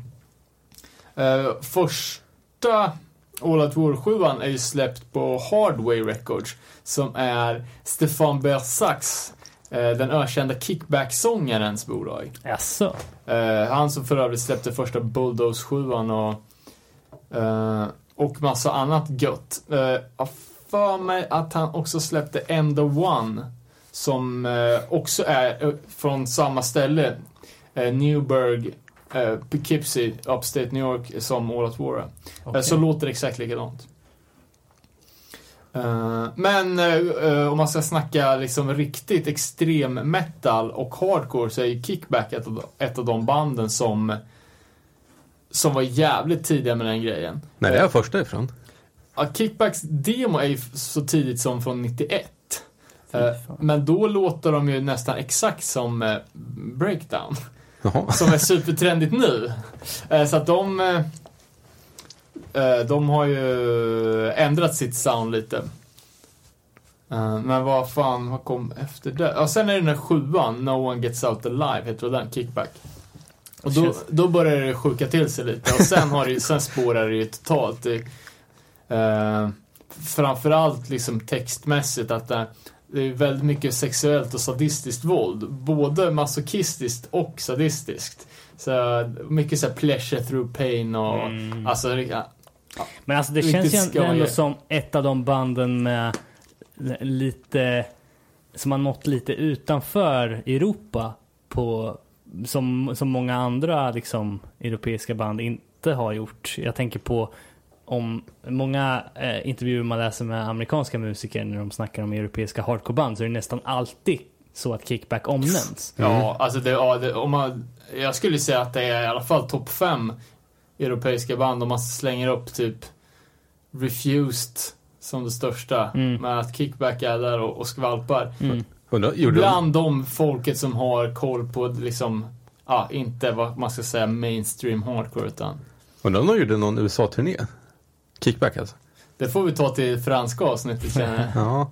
Eh, Sjukt intressant band. Det finns jävligt mycket gött från, eh, från Frankrike. Bland annat ett band som heter Stormcore. Som är väl... Det är ju snarare mer traditionellt tough guy hardcore eh, än döds liksom. Men också jävligt fett. Men om vi ska gå över till, till Belgien som, som är ju kanske den plats på jorden som är mest synonym med den här, det här soundet. Eller Hate Thousand soundet. Eh, det var ju alltså ett crew eh, från, från Belgien som, ja, som under slutet av 90-talet eh, det blev en, en jävligt, eh, jävligt stor hardcore-scen och det var ju ungefär samtidigt som eh, Alltså jag tror att det var samtidigt som hardcore blev lite så här allmängods i Sverige. Eh, Lite senare än den här refused-peaken i, ute i, i, i, Umeå. Men när hardcore spred sig liksom runt om i landet, kanske från 95 on. Eh, och Belgien kan man tänka att det är ett pyttelitet land. Det är bara 7% av Sveriges yta. Eh, och den här eh, största hardcore-vågen utspelar sig i västra Flandern. Så det var ju bara ett litet hörn av Belgien närmast Nederländerna. Det är svårt att få grepp om hur stort det, det kan, ens kan ha... Man får ju för sig att det var rätt stort. Eh, Eftersom man lä- läser- Inte, inte geografiskt, utan nej. Eh, alltså det är ju, det var ju över 20 band som gav ut många skivor. Eh, och jag kan ju tänka mig att det fanns, alltså det måste ha funnits minst dubbelt så många som gjorde en mini-CD eller en demo. Eh, Det fanns ju någon dokumentär om det på YouTube men allt var ju på tyska så man fattar ju. Ja, det är inte, ja, det är ju ett av de Eller fyra, belgiska. ett av de fyra språken som de har i Frankrike. Så det är tyska, flamländska, gelliska och belgiska. Eh, vilket av man kan, inga. men de här banden, de, själva så kallar de ju sin genre edge metal. Eh, och det är ganska beskrivande för att det var jävligt mycket metal och de var jävligt, eh, jävligt edge helt enkelt. Eh, och namnet då för den här genren, som också var en genre liksom, och som var ett crew, Hate Thousand. Och då inte som Cleaver-bandet H100 utan Hate Thousand, H8000. Eh, det var då postkoden till västra Flandern. Lägligt. Eh, och eh, de slängde till, eh, postkoden i dit är ju 8000 då. Eh, och H står för Hateful. Eh, och det här var en kille som heter Josh Fury som har spelat i de två kändaste banden därifrån som kom på. Eh, och det fanns, de hade även ett scene som var hela den här rörelsens eh, blaska liksom. Eh, och det hette ju då Hate Thousand Scene. Och om man ska bara snacka lite om musiken så är det ju ganska, för fan, på tiden unikt sound liksom. Väldigt metallisk hardcore. Uh, och de hade ju haft liksom hardcore, det var ju ingen ny grej i Belgien. Uh, och vi säger att det här första, liksom första av den här metal-grejen var uh, kanske någon gång 92, kanske 93. Uh, men tidigare innan det så hade de ju massa, massa belgiska band. Största var väl Nations on Fire. Eh, Är inte det han Good Life precis. bolagskillens band? Eh, som faktiskt är jävligt bra. Det är lite, de hade liksom band som var mer Youth Crew, emo, eh, det, det snittet liksom. Eh, men 1993 så släppte Congress sin första demo. Eh, och de gjorde väl det som en, någon typ av svar på att de tyckte scenen var, var risig och att folk var eh, ja, men för, att det var, var för mycket PK, för mycket emo. Um, jag tänker vi kan klippa in en, en låt. Från Kongress första. Ja,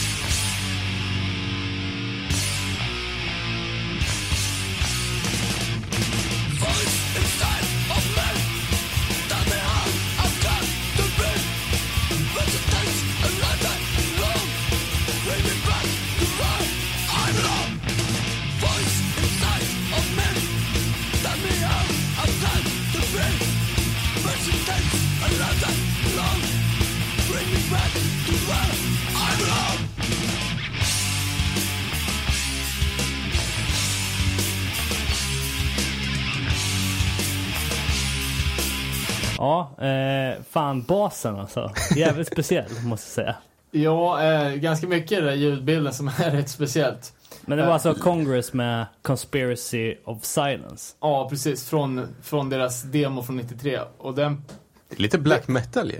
ja, skapliga black metal-gurer. Ja, verkligen. Eh, och det här var ju den absolut första grejen som tände liksom en, en jävligt stor scen. Och alltså, förutom Sverige så var ju Belgien li- liksom det... Äh, det var ju det, typ det enda landet i Europa som räknades. Och frågan är om inte den belgiska scenen gick om Sverige när Sverige eh, sunkade ner sig liksom. Eh, så, även fast kanske inte den där demon är så det fantastiskt bra så är det ganska, ganska kul. Och man får ju tänka att det här var då som sagt 93 och man kan tänka band som till exempel Earth Crisis som av många anses vara liksom myntarna av liksom metal hardcore. Eh, jag menar de, de, de två första sjuorna är ju inte speciellt hårda. Eh, det var ju inte förrän på Destroy the Machines från 95 som, som att det blev liksom det. Fast det är ändå lite tyngden. metal-influerat. Jo, det är det Absolut, absolut. Eh, Men det som, det som kännetecknar de här, de här belgiska banden är ju att de kör mycket med långa intron med skits och grejer. Jag- vet inte om det var så jävla... Men Alltså, jag tänker det har att de alltid har Sagan om ringen-intron, du vet. Så här Ja, men de, filmorkestrar och Ja, mycket så- såna... kanske någon sampling av någon Archangel eller någonting. Eh, mycket sådana grejer. Jag vet inte om, om det gjordes, men det är inte riktigt på Six Foot Ditch nivå, men snodd på alltså. Sen ljudmässigt så är det ju eh, hög virvel och eh, jävligt ansträngd sång, tycker jag liksom går som ett eh, litet tema. Och sen eh, i början så var det jävligt dåligt ljud, men de hade ganska höga ambitionsnivåer. Eh, och de, de sa ju alltid bara, vi tar ju liksom eh, typ eh, aggressiviteten från hardcore, men tekniken från metal. Skulle kanske kunna diskuteras. verkligen. Eh, och de här, alltså, de, de här låtarna är ju helt utan morspartier, för det här var ju innan, alltså den sätt, den, det sättet att skriva låtar på var ju ingen som hade, hade gjort liksom. Eh, det var ju, ja, innan ens ett bulldowns eh, breakdown liksom. Mm. Eh, och sen eh, gitarrsolon, liksom både akustiska intro gitarrsolon och eh, blandade liksom gitarrsolon i låtar. Uh, sen någonting som uh, också är ganska, om man, om man tänker liksom på det utanför musiken, själva stilen. Uh, och det har, har ju skrivits många intervjuer liksom att folket från den här Uh, ja men det här crewet och de här banden säger bara att hardcore det är inte, det är inte en, en genre, eller det är, inte, det är inte ett sätt att låta utan det är ett sätt att leva, ett sätt att vara. Eh, Men ganska intressant hur, hur den här stilen var, för jag tänker, det, jag och många med mig kommer ju liksom in på hardcore och punken från metal. Och då som tonåring, liksom, när man upptäcker något nytt då, i mitt fall hardcore, eh, då kändes ju inte det här gamla liksom med de här mest uppenbara hårdrocksattributen så jävla ascoolt direkt. Men det här hade ju belgarna inga problem med. Eh, förutom det rent musikaliska så liksom metalen gick igenom i allt. Typ som på... Då hade de Maiden-tröjor och såna grejer. Ja, ja. De har, ja. Både i de tröjorna som de hade och eh, liksom, det var ju första gången någon kunde glida in med liksom långt hår i ett hardcoreband och inte vara en tönt liksom. eh, och till exempel omslaget på första Liar-plattan är ju gjort av en snubbe som heter eh, Chris Virvimp, tror jag, som har gjort asmycket, alltså hundratals klassiska så här, death metal-omslag. Bland annat jobbat mycket med Marduk och sånt där. Eh, Så de har liksom det på, på omslagen och eh, typ på deras merch så har de ju eh, liksom eh, en Manowar pastisch liksom med en så här muskelriddare så står det Death to False Metal liksom. Eh, och de hade ju det och tyckte att det var Alltså de fick det, fick det att vara coolt liksom. Och själv tyckte man ju att eh, ja, hårdrock kanske inte var så coolt även om det är jävligt bra liksom. Så det gick ju igenom i allt liksom med covers och loggor och, och merchen liksom. Eh, sen var ju det här med satansdyrken genomsyrad i nästan alla de här banden. Eh, både i texter och, och grafiskt liksom. Eh, men sen, då var ju liksom inte helt, det var ju inte ett, ett metalgäng utan... De var ju edge. Ja, exakt. Alla, alla de här banden, i alla fall i början, var ju straight edge och jävligt eh, frontade straight edge. Liksom. Det var ju det som var huvudgrejen nästan. Och att alla, eller i alla fall de flesta, åkte skateboard och hypade det som fan också. Eh, Och Han bara plockade det bästa från alla grejer. Ja men exakt, och modet var ju alltså det klassiska 90-tals eh, skateboardmodet med baggy jeans och liksom skatemärken. Och kanske då någon, någon jävla... Manowar pin. Ja men precis, Bursum-tisha liksom. Uh, sen en annan grej som var, som var, som de var jävligt tidiga, det var ju den våldsamma morsen. Eh, I Sverige så var, hade ju knappt Circle Pitten gjort entré och det var liksom klassisk push pit. Eh, men sen fick man ju höra liksom om att Ja, fan i, i, i Belgien så är det ju helt sjukt. Där är det liksom slakt. Eh, från, det är som från turnerande band. Eh, och när man läser om, alltså det verkar vara en jävligt stor del i själva spelningsupplevelsen, för de skriver om det eh, väldigt mycket i det här fanzinet. Och de kallar, det, de kallar det aldrig för mors, utan det står ju bara violence. Jaha, Så de okej. har liksom långa, så här, typ så här, violence in, at shows. Och då tror man ju liksom att det ska vara ett slagsmål. Nej, violence, det är dansen. Och de säger ju också att eh, typ våra klassiska moves är feet first stage diving och eh, the pizza maker. Eh, och det är ju, jag, jag vet det är ju en av de här rörelserna som är med i Sicoverol-videon. Jag kommer inte ihåg vilken det är. Eh, Ja, Att det. man slänger med armarna som att det... Ja, det är inte... Ja, det, det är någon. Det är någon av de där. Eh, man får kolla upp, det är väl Step Down-videon. Men sen läste jag även att de fick ju den liksom kickboxningsstilen, eller mosh-stilen, eh, från de franska banden. Ja, okej. Eh, Så det var ju Kickback då, Stormcore bland annat, som, eh, som, hade, som var först med den bollen också. Och förutom det franska så var ju de här banden jävligt influerade av svenska banden, alltså Desperate Fight-banden. Och eh, eh, alltså klassisk New Hardcore, men även också jävligt mycket Cleveland. Mm. I, i, I fanzinet så är det intervjuer med Ringworm, med, med Integrity och det är nästan mer intervjuer. Det Var är en intervju med Coldest Life? med Coldest Life och... eh, så de hade ju bra smak i alla fall. Eh, men det var mycket fler intervjuer med amerikanska intressanta band än vad det var med de inhemska banden. Mhm.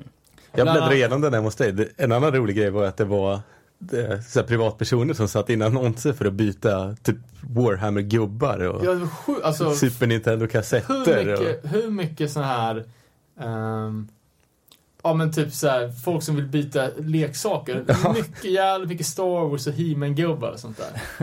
Men det är precis som, som eh, Alltså hela Revelation startades ju för att de ville släppa limiterade grejer med Youth of Today för att byta mot leksaker. och då var det Batman, men nu på 90-talet så är det, var det Star Wars. Uh, ja, vad jag skulle säga där om andra band som var influerade av är även Catharsis. Ehm, och var jävligt intressant intervju med, med Brian, sångaren från Catharsis. Eh, han hade ju ett fanzine som hette Inside Front. Eh, och då lite intressant då, eh, och Catharsis har vi snackat om och de, de är ju, fan är de ifrån? Sydstaterna va? Ja, precis. De, de är i alla fall, de, de är här som är så super så att de inte köper mat Exakt. utan bara äter soptunnorna. Bland annat. Eh, ursäkta ironin. Eh, skitsamma, jävligt bra band. Eh, men att på Inside Front, eh, det skickades med lite olika singlar. Det var ett jävligt stort, stort fanzine, ett av de största i, i hardcore-branschen. Eh, och en av sjuorna som man fick med i Inside Front är en Hate Thousand special med Congress och Liar och så här. Men sen på en annan så har han två låtar med One Life Crew. Jaha. Och det var ju skapligt otippat måste jag säga. Har du den Hate Thousand... sjuan? Nej. Nej, inga Inside Front. Varken plattor eller fanzines. Mm. Eh, vad man kan säga mer om, om själva belgiska scenen att eh, förutom att det fanns en jävla massa band så var det ju eh, jävligt mycket andra grejer. Så mycket, alltså eh, distros och skivbolag och sånt. Och det största var ju Good Life Records som vi har nämnt ett par gånger i den här podden. Eh, men för er som inte bryr sig eller som inte vet så Good Life startade ju någon gång 95-96 och släppte ju eh, fram till 2002 när det började sakta ner lite så gav han ut nästan 100 plattor. Eh, med de flesta belgiska banden men också alltså han släppte ju första släpp med till exempel alltså heta band som 18 Visions innan de blev stora och eh, alltså 25 to Life och första 100 Demons och eh, gav ju även ut Avenged Sevenfold innan de blev någon sorts arena-rockers. Mm, ja, ja. Oh, fan. Eh, och hörde även att eh, alltså när, när den belgiska scenen pikade så var det många banden som vart erbjudna major labels och flera major labels som hörde av sig till Goodlife och ville köpa hela skiten. Jaha. Skulle han ha sålt? Ja, känns det som jag kanske skulle ha gjort det när det var på, på topp. Eh, sen fanns det ett annat coolt bolag som heter eh, RPP, Released Power Production, som släppte jävligt mycket amerikansk tough guy. Bara amerikanska band. Eh, sen är det Janet, eh, som släppte mer alltså där man, alltså den här, ja men typ 18 Visions-stuket liksom. Mm. Skitstort bolag som har släppt över 100 hardcore-plattor och, och de hade ju en tillhörande skivbutik. Fyrhus, eller Pyrrhus. Mm. Eh, sen fanns det ju Green Leaf, som var skatepunkbolag som låg under eh, Good Life. Eh, och eh, Sober Mind, också ett eh, som drevs av, av Hans, som, eh, som även kom att starta bandet Liar, som är ett av de största banden från den här scenen. Okej. Uh, fanns även såg jag bara en, en annons om att det fanns en distro som bara enbart sålde New Hardcore. Jaha. Så alltså det var en jävligt stor scen på både, både bolag och band och allt möjligt och massa fanzines och... Och sen när man ser alltså vilka jävla gigs de hade. Mm. Eh, Det var ju så, i varje nummer så var det ju en sida med liksom de kommande gigsen.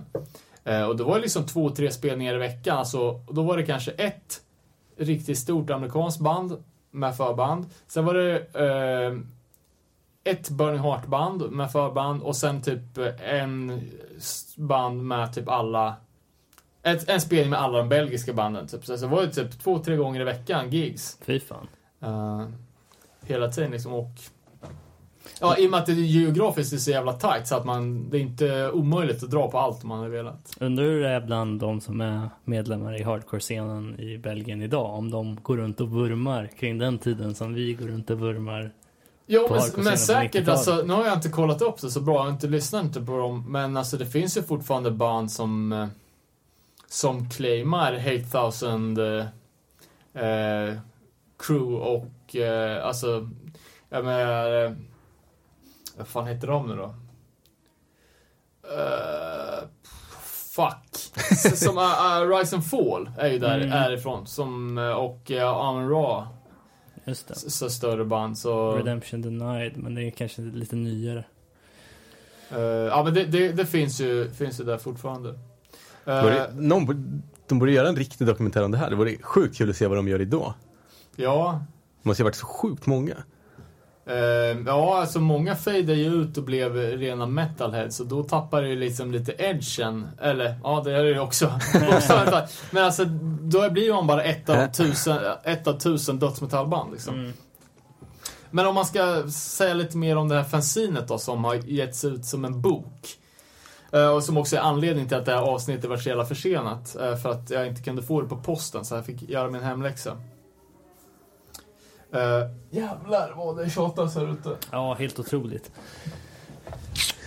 Eh, förra gången så var det Vad fick demonutdrivning, nu är det valsdansare. Vart köpte du, inom situationstecken, boken? Eh, jag köpte den från Belgien, från Reality Records som har gett ut den.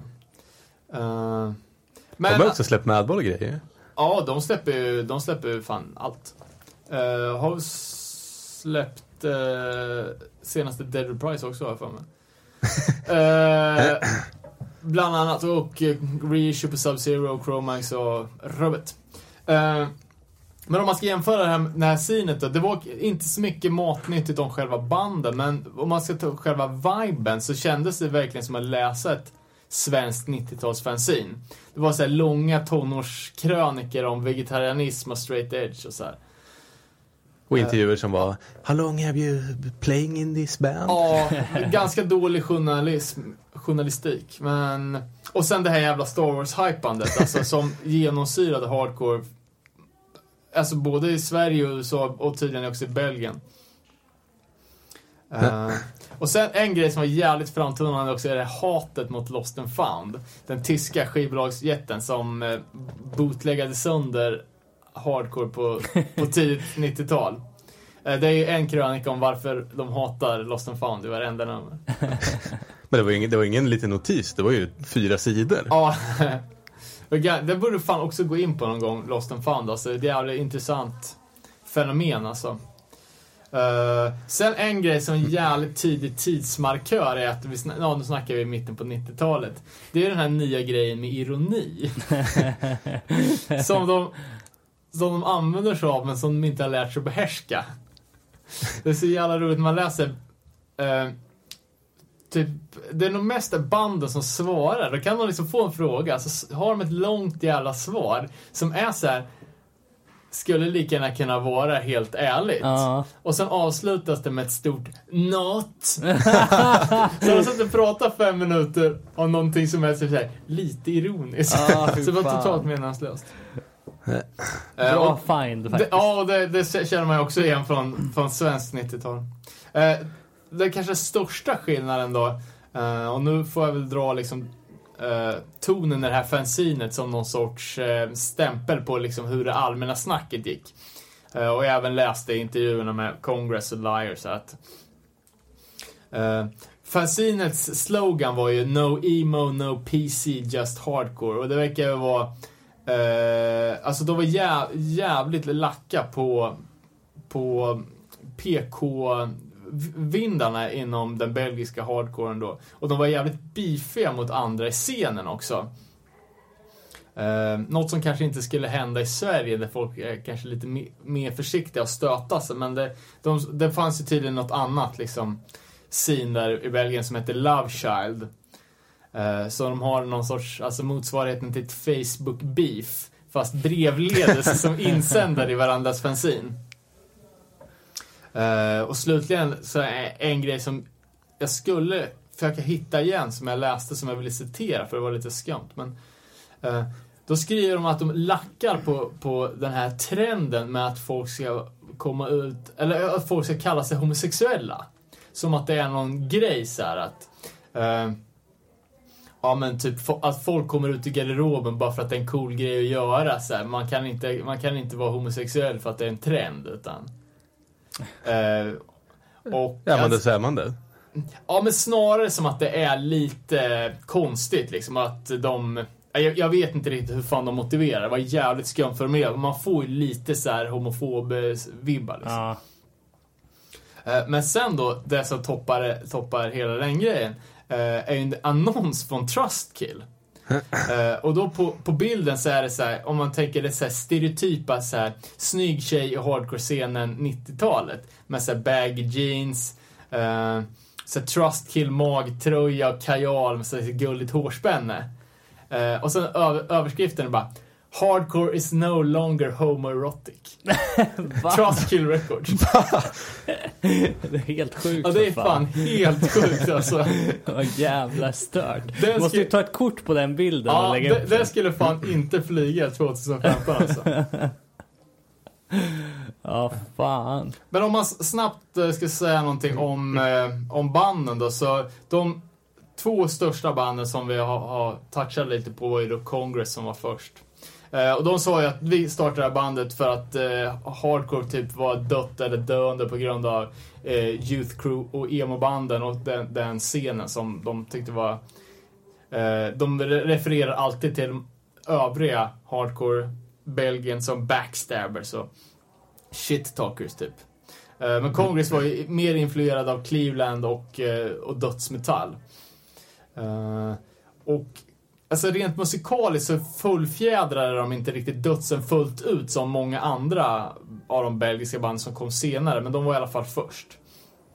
Uh, och, och, bara som en sån liten grej var hur, hur sto, stora Congress faktiskt blev. Att när de släppte den här demon som vi lyssnade på förut, uh, från 93, då gjorde de första pressen 50x och andra pressen 100. Uh, eh, när första sjuan kom ut, vilket är typ samma låtar, då gavs den ut till 3125 x på vinyl plus CDs. Fy fan.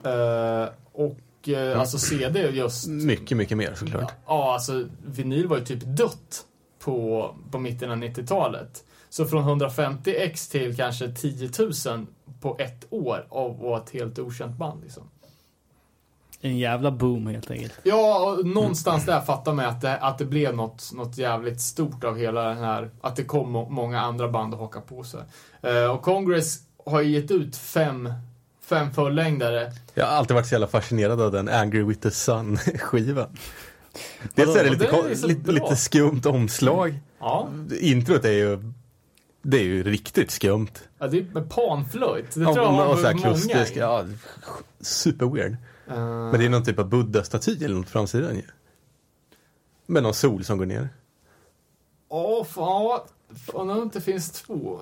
Fan att det är en jävla båt jag kommer fan inte ihåg hur det ser ut. Jag, tror det. Det går i rött och gult i alla fall. Alltså, varför är de arga på solen för? Vad är problemet? Jo, men de, de säger det i en låt. Uh, uh, typ såhär, Damn the sun turns the vine into vinegar.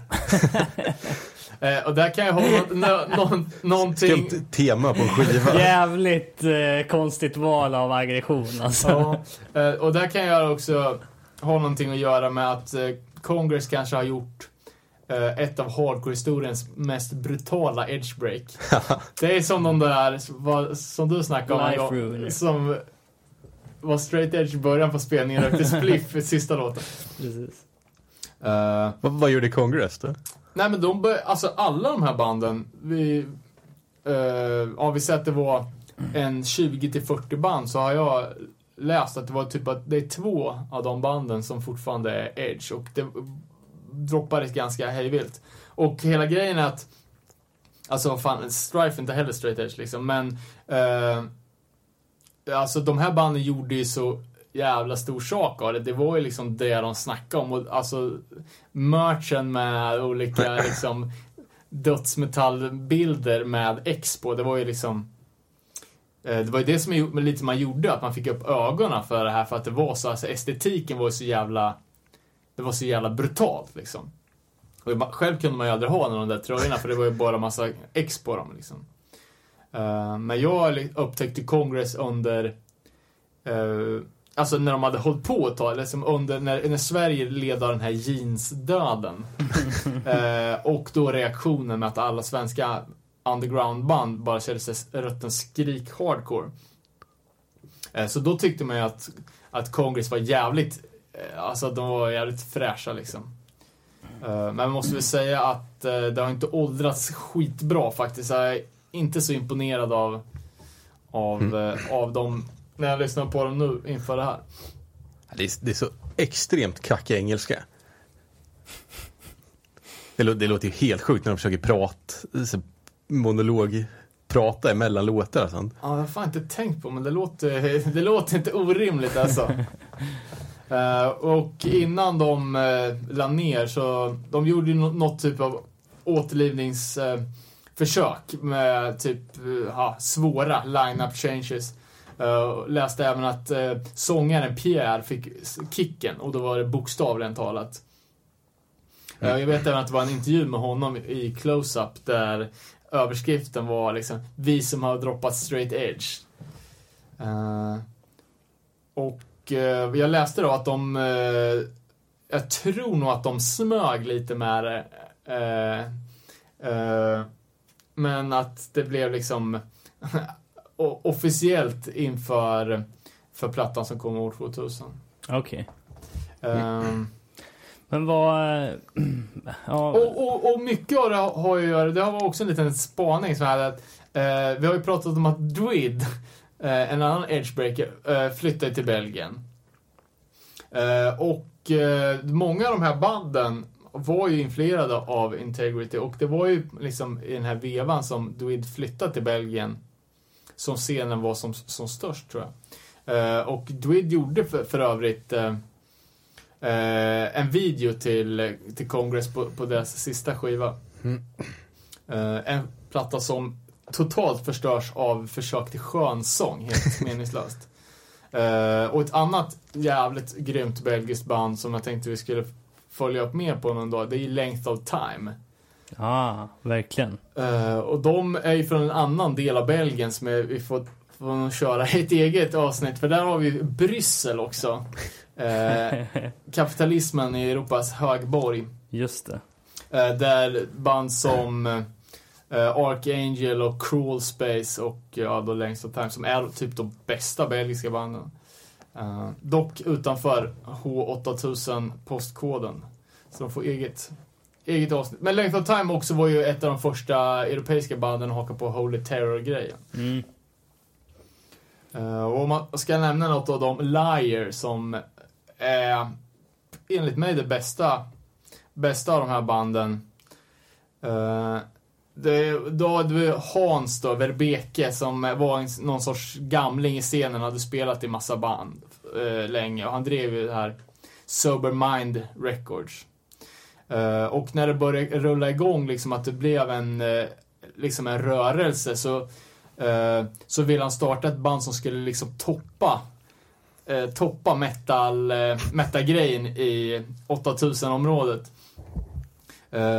Så han så startade ett hardcore-band som körde primitiva black-influenser. Och första släppet från Liar, Falls of Torment, och speciellt då låten Battle Cries är någon sorts så här, eh, ja, men antireligiös eh, hymn. En av de jag tror den låtar som har stått sig bäst liksom. Mm. Uh, och de sa hela tiden så att det var bara vid ett non-political anti-PK-band. Uh, men i samma mening så sa de också, uh, kan jag säga liksom att vi är fan mer politiska än de här jävla emo-banden. typ så här. okay. Det verkar vara en jävligt infekterad grej alltså mellan... Mm. Um, Mm och sen eh, så, eh, fan, de släppte en, en fullängdare som jag faktiskt har missat, men jag vet att den, eh, den är bra, för den låter exakt som deras andra fullängdare, eh, Death Row Earth, som jag tycker är deras absolut bästa platta. Eh, och där tänkte jag också att vi skulle spela en liten bit.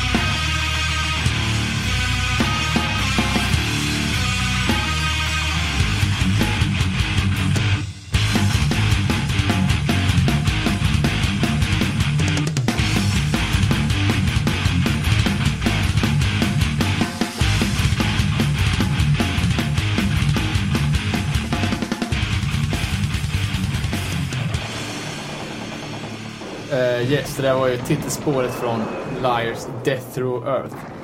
Uh, ja, rätt mycket black-vibbar över det där. Skapligt. Jävligt fett. Uh, lite kul uh, anekdot på den här skivan var att jag hade ju förmånen att vara någon sorts uh, sightseeing-guide åt uh, Al Bar när Dropkick Murphy spelade i Örebro. Blåste runt och kollade, kollade på slottet och uh, snackade om rabies. Svampen. Typ. Uh, och då frågade han bara, got any black metal? Så bara, nej, jo men jag har den här. Och så spelade jag den här skivan för honom och bara, yeah this is it. Så det Ja, är, alltså. det är en som fan. Fett. Eh, ja, och om då de flesta banden hade sålt ut veganismen, vegetarianismen och eh, nykterheten så är väl Liar ett av de få banden som fortfarande lever upp till det etoset. Eh, dock verkar de inte vara helt 100% eh, klock, klockrena för eh, eh, sångare Hans sjöng ju med eh, bandet Rottin Hell när de spelade tillsammans med Integrity i Stockholm. Just det. Eh, på, på plattan eh, As Pearls Before Swine som jag tycker är pissbra. Eh, och när eh, Integrity spelade i, i Norrköping eller Linköping så, så var vi några som, som handlade Rotten Hell-plattor ur merchen. Och då sa deras merchare så bara, vad fan köper alla den där för? Så bara, ja men det är svinbra, det är fan det är Hans von Lier. Så jag bara, nej nej nej nej, han, har- han är inte kvar, han har fått kicken, han snodde hela bandkassan och drog. nu sjunger gamla sången i Worries. Ja, fan. Eh, men bra, bra skit där i alla fall. Verkligen. Eh, har ett par eh, band till som jag ska bara nämna vid namn för att de är mindre kända men jävligt, jävligt bra. Eh, Legion, ett band som jag faktiskt eh, lärde känna inför det här avsnittet. De har bara släppt en sex låtar. Eh, som, Nytt eller? Nej, det är ju sam, samtida. Mellan 95 till 2000, någonstans där. Eh, sen är det Sektor som, eh, som har bland annat miniserien Ultimate Threat som jag tycker är, är asgrym. Eh, men som någon dissade på Facebook här inför det här avsnittet. Kan- Dissad på Facebook alltså? Ja, det var Sektor som var dissade. Ja, okej. Eh, och sen Deformity. Eh, ett av dem, alltså de som, som gör dödsgrejen, alltså mest dödsigt och eh, är typ ett av de bästa också. Eh, men de var också ett av de här banden som gick över till att bli ett renodlat hård- hårdrocksband och då försvann ju det intressanta. Mm. Eh, ja, det har fan snackats på rätt friskt. Känns som att vi kan fortsätta den här genren Uh, hur länge till som helst med band från både England och Tyskland. Så här. Men vad fan, Robert, vad har du på nutiden då? Eh, ja, alltså vi har ju varit inne ganska mycket på lite olika band. Alltifrån No Zodiac tid, i tidigare avsnitt till Bloodland, Sibalba och så här. Men eh, något som låter lite mer, alltså det är ändå Florida liksom, det är ändå dödsfeelingen. Men i hardcore-facket, det är ju Shovelhead. Eh, som, som är ganska nytt. Eh, alltså det spelar an lite på eh, på turnstyle-grejen liksom. Med, med riffig hardcore. Men det är ändå så här döds... Döds... Eh, Hur, hur nytt är det? Är det jättenytt eller? ja, för fan. De släppte en tvåspårs här eh, i, i början av 2015. Eh, låter bra som fan tycker jag. Eh, det, ja, det är min typ av eh, Florida Moose kan man väl säga. Vad- det, det, det, det är så klassisk Florida-döds alla Ja. träskmarks obituary. Med, med, eh, nej, inte liksom lika grovt men ja, det är svårt att, jag kan ju spela upp lite här. Eh, det är svårt att sätta någon, någon kategori på det så men eh, jag tycker att det är jävligt stabilt. Vet inte om ni hör något men ja, Ja. Det är mer åt trash-hållet skulle jag säga men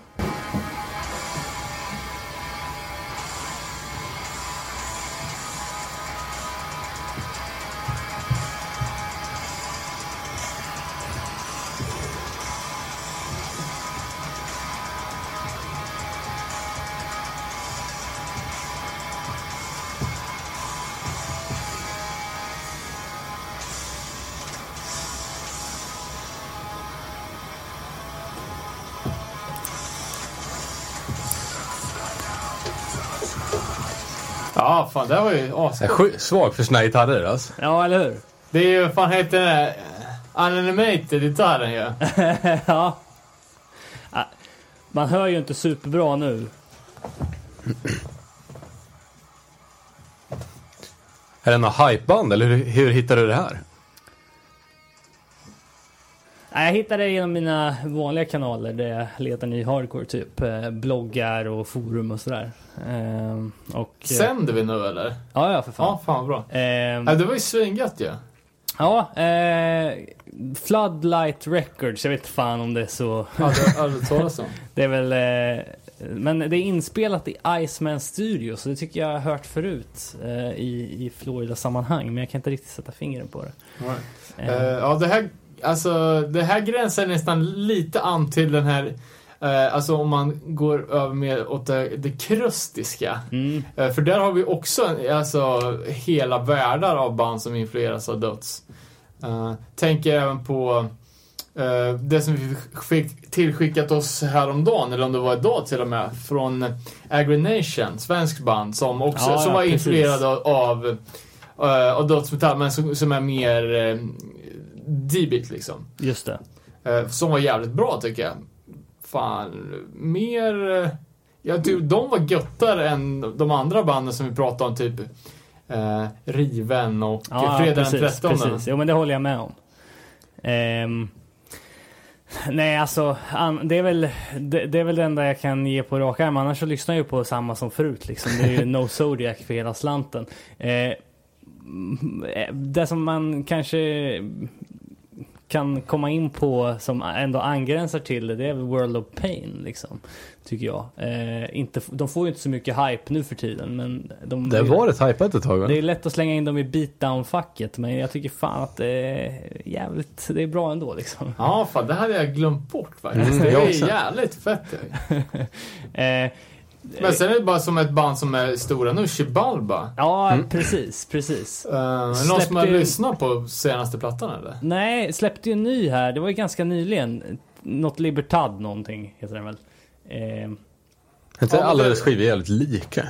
jo, det är därför det är svårt att komma ihåg dem men eh, Jag gillar estetiken om man får Ja, säga, så, säga så. Terra y Libertad släppte de eh, på Sudden Lord. Men jag vet inte fan när det var, men det känns som att det var ganska nyligen. Det är nog fan 14 på den. Nej, det är det inte. 15. Det, eh? Nej, vi får, vi får väl... eh, Enligt Spotify så är det 15 i alla fall. Okej. Men det kan ju Ja, bara ha ja, varit upplagd. Tiden, tiden går fort med Eh, roligt.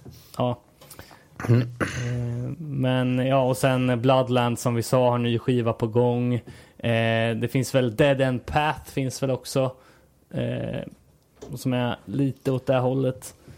Eh, ja, annars är det väl bara, alltså det känns ju som en genre som ändå Ja, det kommer ju rätt mycket gött. Ja, ifrån om man liksom. tänker band som är jävligt stora nu, till exempel Nails och uh, Code Orange för den delen, är Mm. ju uh, alltså jävligt jävligt, jävligt mycket metal och framförallt liksom vad fan man såg Code Orange vad de hade på sig. Det var ju snudd på riddarbrynja liksom. Finns det lite Och- svenska band som låter så här? ja. Eller glömmer jag bort något nu? Nej, det Något uppenbart? Uh, alltså när jag funderar på första svenska bandet som kallar sig för Deathcore så kommer jag bara på, alltså jag vet inte om ni har lyckats undvika svenska Futon Records. Uh, riktig skit från Ytterby, det är Bo- Bohusläns största hardcore-etikett från 90-talet. Uh, de släppte ett band från Boden som heter Sentinel 5. Som jag för mig bara, det här är Deathcore, svensk Deathcore. Var det inte bra eller? Ja, men det lät exakt som Shape to Punk rip-off, så det kan inte vara dem. Nej, okej. Så det kan ha varit det andra Futon Records-bandet, eh, Bubblegum Crisis. Ja, vi får väl annars vända oss till våra kära ja, lyssnare och be herregud, dem det måste finnas hur mycket som höra helst. av sig med sina bästa dödstips. Eh, vad fan, annars jag har fan inget mer. Jag vet inte. Ska vi, ska vi ladda batterierna inför näst, Mm. nästa helg? Eh, får vi se om vi dyker in på Sator nu på lördag i Fagersta va? Nej, vad fan var det inte förmodligen Adam, inte var det. Adam Nilsson? Ja. Är det också? ja. Det var ju någon efter, efter eller förfest till Sator. det var det. det känns som det kan bli en sen kväll. Eh, Ja. hur som helst, helgen efter det har vi No Fun at All och Lowest och eh, eh, Scandinavian Hateland? Scandinavian Hateland ja. Eh, här i Örebro. Så eh, se till att köpa biljett till eh, det. Som vanligt, vi nås på nere på noll.se. Nere på noll är det väl. Eh, och eh, ja, jag vet inte, har ni några slutord? Någon? Spana in mig på Twitter. Sämst. Vi borde ju- vi snackade ju om det, vi ska gå ut på en collateral damage låt. Och jag ska skaffa Twitter. Ja. Eh, ja, fan det, det gör vi. Det var fan, det var fräscht. va? ja, fan. Men ha det bra då, så hörs vi. Tack! Hej! Reality